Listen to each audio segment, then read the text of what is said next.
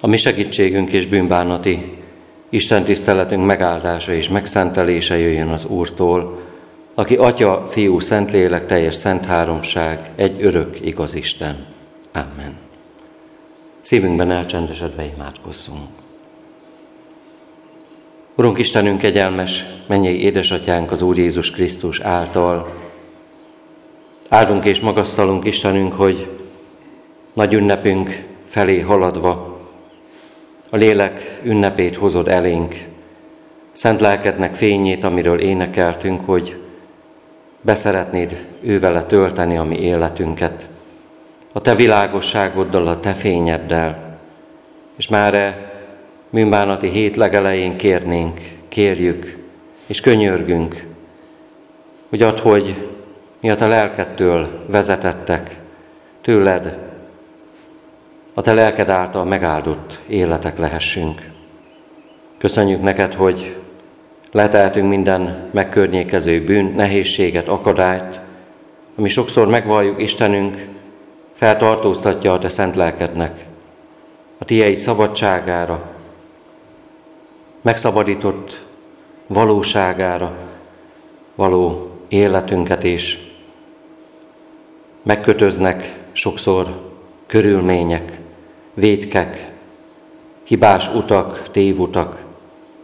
Szabadíts fel bennünket, hogy igazán a Te lelked munkálkodhasson bennünk és vezethessen, és arra kérünk, hogy végezd a tisztogató munkát a mi életünkben, hogy valóban ezen a bűnbánati héten egyen-egyenként minnyáján átélhessük annak a csodáját, milyen amikor nem emberi gondolatok vagy bölcsesség, hanem a te lelked jár át bennünket.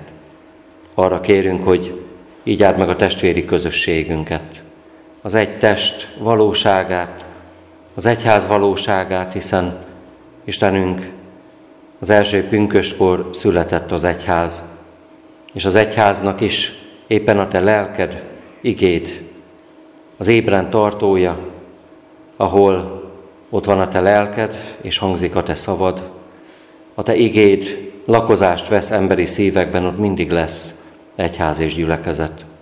Arra kérünk, hogy ennek a reménységét, ennek a csodáját ajándékoz nekünk szintén ezen az ünnepen. Van mire készülnünk, Istenünk, van ilyen váradalom, ami szívünkben ajándékoz meg bennünket, felülről való ajándékaiddal. Amen.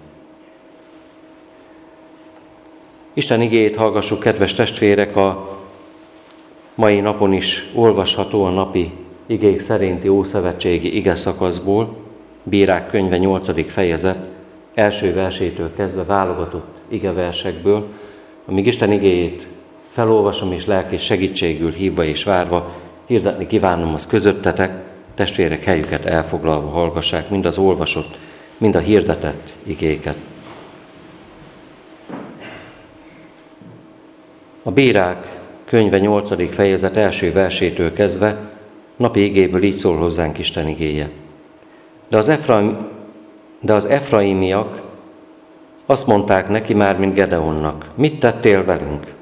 Miért nem hívtál bennünket, amikor harcra indultál Midján ellen? És hevesen pöröltek vele. Ő azonban így felelt nekik, ugyan mit tettem én hozzátok képest? Nem többet ére Efraim böngészése, Abiézer születjénél. A ti kezetekbe adta Isten Midján vezéreit, Órébet és Zéébet, hozzátok képes mit tudtam én tenni. Amikor így beszélt, megenyhült az, az ellene támadt indulatuk. Gedeon megérkezett a Jordánhoz, és átkelt 300 emberével, fáradtak voltak, de folytatták az üldözést. Ezt mondta a szukkódban lakóknak, Adjatok néhány kenyeret ennek a népnek, amely engem követ, mert fáradtak. Pedig nekem üldöznöm kell Zebahot és Calmunnát, Midján királyait. Szukót vezetői ezt felelték. Talán már a kezedbe tartod Zebahot és Calmunnát, és kenyeret kívánsz tőlünk a seregednek? Gedeon azt mondta, ezért majd, ha az Úr kezembe adja Zebahot és Calmunnát, akkor pusztai tövissel és tüskével csépelem végig a testeteket. Onnan fölment Penuélba, és ugyanúgy szólt azokhoz is, de a Penuélban lakók is ugyanúgy válaszoltak, ahogyan a Szukkódban lakók, akkor ezt mondta a Penuélban lakóknak is, ha békében térek vissza, lerombolom ezt a tornyot. Amikor visszatért Gedeon, Jóás fia a harcból, a Heres Hágótól elfogott egy szukkóti ifjút és kikérdezte, az pedig felírta neki szukkót vezetőit és véneit, 77 embert, aztán oda ment a szukkórban lakókhoz, és ezt mondta, no hát, itt van Zebak és Calmunná, akik miatt így gúnyolódtatok velem. Talán már a kezedben tartott Zebakot és Calmunnát, hogy kenyeret kívánsz tőlünk fáradt embereidnek? Azzal lefogadta a város véneit és pusztai tövissel, meg tüskével fenyítette meg ezeket a szukkótiakat, majd lerombolta Penuél tornyát, a városban lakókat pedig megölette. Kedves testvérek, a napi igékben az elmúlt napokban egy hosszú történetet kezdtünk el olvasni, ugye a Gedeon történetét, vasárnap is volt erről egy kis összefoglalás ugye az igékben. Egy nagyon kedves, egyébként gyermek istentiszteleteken gyakran előforduló, vagy hittanórákon előforduló történet, a Gedeon története, ami egy szabadítás történet, egészen addig, amikor ugye 300 emberével, Isten útmutatása szerint, egyszerű eszközökkel, ugye fákjával, korsóval, és tudjuk, hogy kürtel, tehát nem hadi eszközökkel győzik le Midján seregét, ami viszont figyelemre méltó ebben a történetben, ami nem csupán egy ilyen eleven győzelmi történet, hogy ha megnézzük Gedeonnak az életét, akkor Gedeon egészen végig Isten vezetését kéri. Akik olvasták a napi igéket, azok megfigyelhették a történetnek ezeket az elemeit, azokat a lépéseket, hogy hogy is jut el ugye Gedeon a háborúnak a végkifejletéhez. Ugye az egyik dolog, hogy nagyon engedelmeskedni akar Istennek, és hallottuk, hogy eltávolítja apjának kertjéből a bálványt, a bálványokat, aztán ismét imádkozik, és jelet kér az Istentől. Azt a jelet kéri, hogy egy gyapjó, amit elhelyez a fűre, egyik reggel száraz legyen, a fű pedig fordítva, ugye nedves, harmatos, másnap pedig egészen fordítva, a fű legyen száraz, és a gyapjú pedig harmatos. Isten megadja neki ezeket a jeleket, aztán még mindig bizonytalan, és azt látjuk, hogy Istenhez folyamodik, lemegy, azt mondja Isten, ha lemegy oda a táborba, azért, hogy megbátorodjon, kérdezze meg, miket beszélnek róla, és akkor Gedeon megérzi az egyik ilyen katonai beszélgetésből, ahogy ott kémkednek, hogy az egyik katona az ő álmát meséli el, Isten küldte ezt az álmot, és ő róla beszélgetnek, az ő győzelméről, miképpen fogja Isten majd eltörölni az ő seregüket. Nagyon megbátorodik ezen Gedeon, és a következő lépés az imádság. Ha megnézzük ezeket és sorra fűzzük, akkor azt látjuk, hogy ő tulajdonképpen vezetést kér és vár az Istentől. Nagyon fontos, hogy semmit nem akart Gedeon úgy csinálni, úgy véghez vinni, hogy ne kérte volna benne Istennek a vezetését, benne voltak ezek a kérések a jelkérésekben, benne voltak ezek az ő szándékai az imádságban, benne voltak minden mozdulatában, hogy ő szorosan az Úr közelében akar lenni, és azt éreztük ezeken a pontokon, hogy semmit nem akar Isten nélkül cselekedni. Vezetést kért bizonytalanságában, imádkozott, amikor bizonyosságra jutott, tehát megérezte, hogy Isten nem csak az ő kis seregének az Istene, hanem az ellenség fölött is uralkodik, még az ő álmaikat is vezeti, és azt látjuk, hogy valójában azt fejezi ki, hogy el se tudja képzelni a győzelmet a mindenható Isten nélkül. Azt látjuk alapvetően ebben a hozzáállásban, hogy hát Isten lelke különösen is ugye éberen munkálkodott ebben az emberben, és az ő elhívottjainak ebben a világban, kedves testvérek, nekünk is igazából így lehet áldásos eredményeket, Istenben gyümölcsöző életet tudni, hogyha mi akarjuk az életünkre Isten lelkének a vezetését. Ugye épp egy olyan ünnep felé haladunk, amely különösképpen erőteljesen beszél Isten szent lelkének a munkájáról. Ismerjük az apostolnak, pálapostolnak a buzdítását, akiket Isten lelke vezérel, azok Isten fiai. Meg lenne rajzolva szépen, vagy ábrázolva ez a történet, akkor akár a Gedeon élete mottója is lehetne, vagy fölé lehetne írni összefoglalásról ezt az igét, igen, akiket Isten lelke vezérel, azok Isten fiai, és akiket Isten lelke vezérel, és engedik magukat vezetni, azokban bontakoztatja ki Isten az ő tervét. Az új szövetségi igékre rátekintünk, akik olvasták a cselekedetek könyvét, abban szintúgy valami hasonlót vehetünk észre, hiszen a Pálapostól, akit Isten megállította a Damaszkuszi úton, folyamatosan kéri az Isten vezetését, és jó volt olvasni napi igékben, hogy ő és munkatársai azért mennek ki a misszióba, különböző gyülekezeteket alapítanak majd később, mert Isten lelke arra ösztönözte őket, hogy kézrátétellel és imádsággal kérjék azt, hogy mi az Isten terve velük. Azt látjuk a pünkösd utáni történetekben is, hogy ez kihagyhatatlan, ez megspórolhatatlan.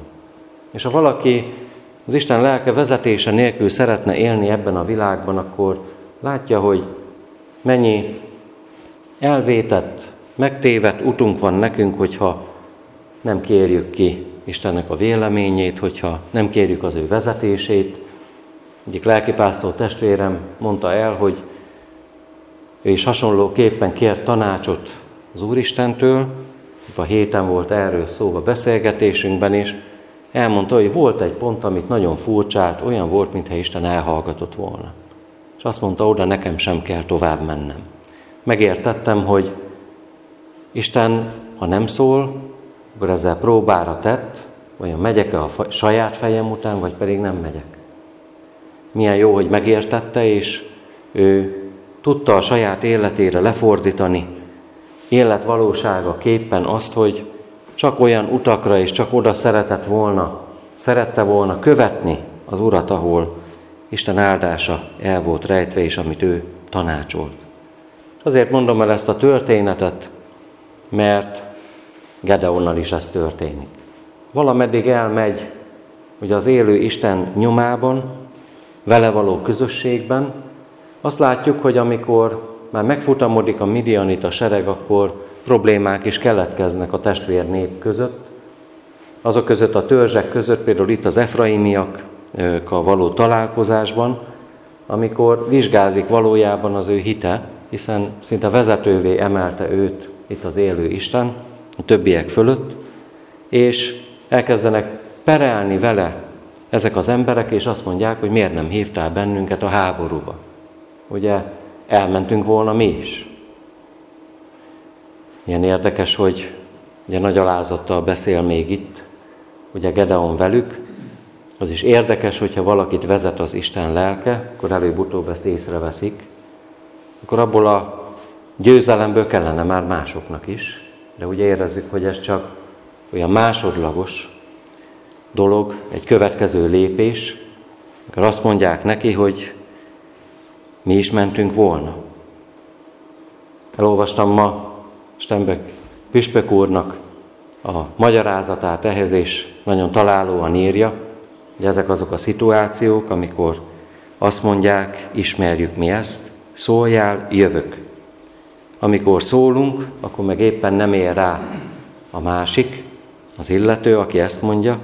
Amikor meg már minden kész, akkor meg azt mondják, miért nem szóltál, jöttem volna hála helyett, aztán jön a szemrehányás, ahogy írja Püspök úr. És milyen szomorú, hogy Isten népe között is, akkor is előfordult ilyen, talán ma is előfordulhat hasonló gondolkodásmód. Ugye lehetne ezt így fogalmazni, hogy szoktam én is mondani, hogy a siker közös, a kudarc magányos.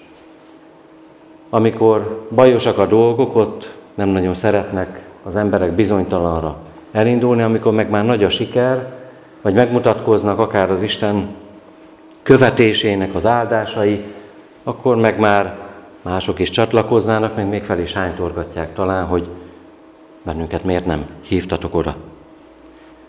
Egyszer egy beiktatással egybekötött hálaadó alkalmon vettünk részt, az egyik gyülekezetben is, visszaemlékszem az ottani presbiterek szavára, hogy elmondták, az egyik presbiter ugyanis megszólalt az átadási ünnep egy adott pontján, aki előtte, ahol lehetett, mindenütt akadályozta, gátolta az építkezést, ő nem fog menni segíteni, őt hiába kérik, ő ezen nem ért egyet.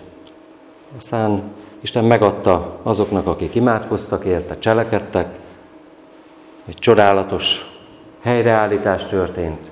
Az épületeken gyülekezet is újulgatott, aztán, amikor odaálltak megáldani, ezt az épületet átadni, használatra, további használatra, és kértek áldást, akkor meg úgy fogalmazott, ugye Püspök úr, milyen szépen megcsináltuk. És azt mondták, hát nem aratott kiváltképpen sikert az ő hozzászólása. De ma is így van ez. Valahogy így álltak hozzá az efraimiak, már most mi is jöttünk volna. Azért jöttek volna, mert egy harcnál, háborúnál kellett volna nekik is a zsákmányból, és kellett volna abból a dicsőségből, hogy azért ők is elértek valamit, vagy ott voltak, irítség és dicsőségvágy kellett volna. Irigyek voltak, mint mondottam, a zsákmányra és a Gedeon dicsőségére is. Milyen érdekes, hogy Gedeon itt még az Isten lelke vezetése, fegyelme alatt járja az életét, és azt mondta, hogy legyen nektek. Hát mit ért volna a mi harcunk, vagy mit érne a mi harcunk, ha megnézzük, hogy valójában ide menekültek a Midian vezetők, és ti öltétek meg őket, ekkor enyhültek meg, hát mégiscsak tettek valamit. Ugye van olyan ember az Isten tervében, aki mindig az Isten dicsőségét keres, és ez az Isten lelkétől való, kész lemondani a saját maga dicsőségéről, és van olyan ember, aki mikor látja az Isten cselekedni, azért neki is kellene abból valami. Legyen számunkra idegen az Efraimiaknak ez a magatartása, és keressük mi az Isten dicsőségét. Mindig ez a valódi jele annak igazából, hogy mi Isten lelkétől vezérelt gyermekei vagyunk, szóval az Isten lelke úgy vezeti az övéit, hogy abból az ő dicsősége jöjjön elő. Viszont innentől kezdve látjuk Gedeon tovább menni ebben a harcban, és van egy érdekes dolog, hogy innen nem olvassuk azt, hogy Isten mondta volna neki, hogy végleg számolja fel az ellenséget, nem olvassuk azt sem, hogy imádkozott volna ezeknek a harcoknak a kimeneteléért. Hiányoljuk, hogy innentől kezdve Gedeon nem kérdezgeti az urat, nem kiált hozzá, vagy nem kér tanácsot, az mindenképpen egy figyelemre méltó egyébként negatív módon ugye ebben a szakaszban. Próbál ő igei módon eljárni, próbál Istennek kedves lenni, Istennek a harcát harcolja, felismeri, hogy vannak olyanok, akik nem támogatják ezt a harcot, még azzal sem támogatják, hogy egy kis kenyeret adjanak az ő fáradt katonáinak, arra meg végképp nem hajlandók, hogy harcoljanak érte, és aztán végül is a közös jövőjükért is, a midianiták nyomása alatt, és nem értékelik ezzel az embereinek az erőfeszítését, nem nézik semmibe, végül is Isten harcait, Isten népének a küzdelmeit, és akkor Gedeon még engedelmeskedik Istennek, de az Isten lelke vezetését nézzük, akkor annak a helyébe egyre több lesz benne az emberi indulat. Megfigyelték a testvérek, ebben a történetben, itt a végén, nem Isten lelke ösztönzésére cselekszik, hanem haragból, emberi indulatból, és aztán abból halál is lesz. Nem látjuk imádkozni, nem, nem látjuk itt már leborulni az Isten előtt. Isten elvégezte általa a szabadítást, valószínűleg ilyen módon elhozta az ítéletet. Azokra, akik az ő népének az ellenségei voltak, de ha megvizsgáljuk Istennek a gyermekét ezen a ponton, akkor itt már Gedeon valamiképpen az Isten lelke vezetése helyett már előveszi a maga emberi nyomorult állapotát is, és hogyha Isten lelke vezérlő hatalmára tekintünk, akkor az mindig akkor tud igazából bennünket Isten szerint használni, kedves testvérek, ha uralja a lélek a mi életünket teljesen és egészen. Az előző esetnél önmaga dicsekvését, bűnre, önigazolásra hajlandó természetét is legyőzte Gedeon. Ez az Isten lelke munkája. Képes volt nem csak a midianitákot, hanem az önmaga gyarlóságát is leküzdeni. Most pedig olyan sok igen magyarázó rámutat erre, arra hívják fel ezek az igen magyarázatok a figyelmet, hogy a további városoknak a sorsát már nem Istenre bízta, hanem saját bölcsessége szerint tartott ítéletet fölöttük, amikor tövissel és a maga szavai szerinti ítélettel verte végig őket, sőt a végén kiírtotta a város, lerombolta tornyaikat, és maga szerint megadta az ő jutalmukat. Ezúton emberi gyengesége, azt lehet mondani, azért sokat rombolt abban a köztudatban, amit ott Isten ugye rábízott, pedig itt is meg kellett volna erősödnie az Isten lelke vezetésében, hiszen Isten ezután a nép vezetését bíraként bízta rá évtizedekig. De látjuk, hogy bírói működése alatt aztán több hiba is becsúszik majd, engedékeny lesz emberi természete szerint némileg a bálványimádásra, aranyfüggőkből majd ő is egy bálványt készít majd, aztán Izrael fiai számára ez, ahogy olvassuk majd az igében, csalétekül szolgált, amelyben elbukhattak az Isten hitben, amire tanít bennünket ez a mai ige, kedves testvérek, hogy Isten lelke vezetése mindvégig fontos legyen a mi számunkra. Számomra is olyan beszédes lett, hogy az ének is mondja, végig megáld a nagy tusát.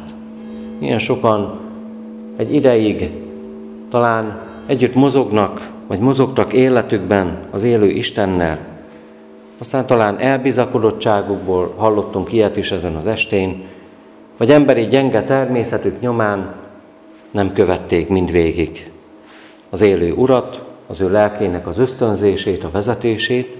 Nagyon fontos, hogy mi, akik a lélek ünnepét várjuk, mi erre az ünnepre úgy készüljünk, mint akik tudják, akiket Isten lelke vezérel igazán, és minden időben azok Istennek fiai.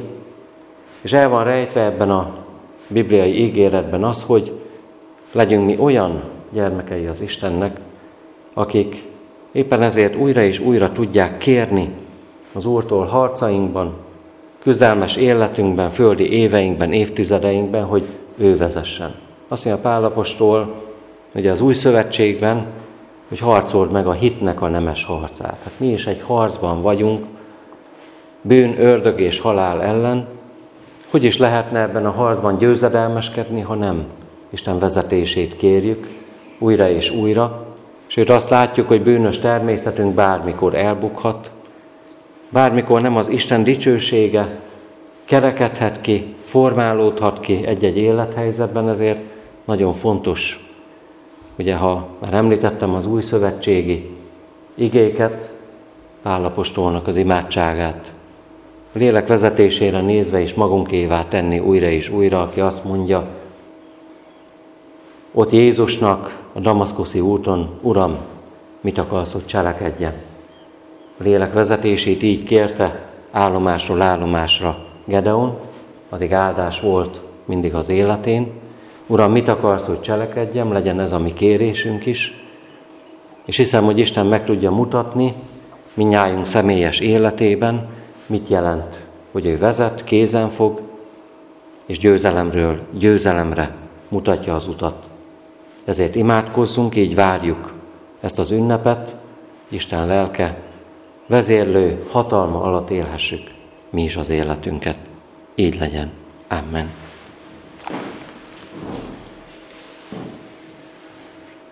Urunk, áldunk és magasztalunk téged, hogy a bibliai igék mind jót és rosszat, mind követendőt, mind elkerülendő életpéldákat elénk adnak.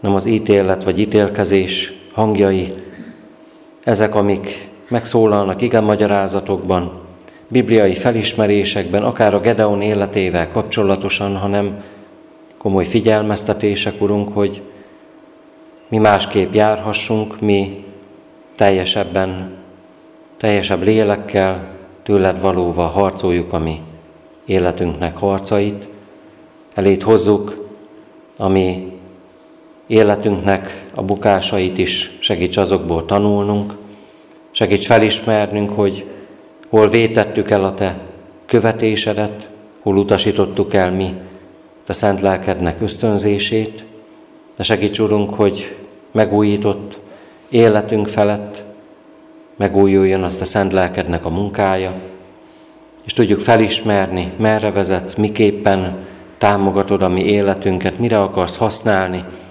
hiszen ezt is láttuk ezekből a történetekből, akik kérik, ezt megkapják, azoknak mindig megvan ennek a jutalma.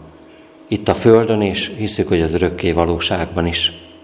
Így agyurunk áldott ünnepet majd a számunkra, és így segíts el életünk minden pillanatában a Te vezérlő szent lelked által arra a teljességre, amit mi magunk is megérthetünk a magunk élete szolgálata felül. Köszönjük, hogy így könyöröghetünk, és ezt is felismerhetjük az igéből, erre is hívtad a te népedet, a betegekért, az erőtlenekért, csüggettekért, különösen hozzád kiáltó népedért, keresztjénekért, az egyházért, Urunk, ahogyan hallottuk ez ünnep felé haladva, az egyház születés napján, pünköstkor emlékezhetünk arra is, hogy milyen, ami ennek az egyházat teremtetted.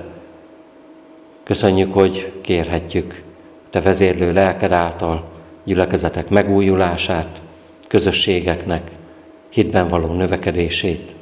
Köszönjük, hogy így állhatunk ma is előtted, és kérhetjük az apostollal együtt, életünk minden pillanatára nézve, Uram, mit akarsz, hogy cselekedjem. Urunk, így hallgass meg a mi könyörgésünket is, ami Urunk Krisztusért. Amen. Mi, Atyánk, ki vagy a mennyekben, szenteltessék meg a Te neved, jöjjön el a Te országod, legyen meg a Te akaratod, mint a mennyben, úgy a földön is. Ami mindennapi kenyerünket ad meg nékünk ma, és bocsásd meg a mi védkeinket, miképpen mi is megbocsátunk az ellenünk védkezőknek. És ne védj minket kísértésbe, de szabadíts meg minket a gonosztól, mert Tiéd az ország, a hatalom és a dicsőség, mind örökké. Amen. Végezetül a kegyelem maradjon mindazokkal, akik el nem múló szeretettel szeretik a mi Urunkat, az Úr Jézus Krisztust. Amen. Foglalj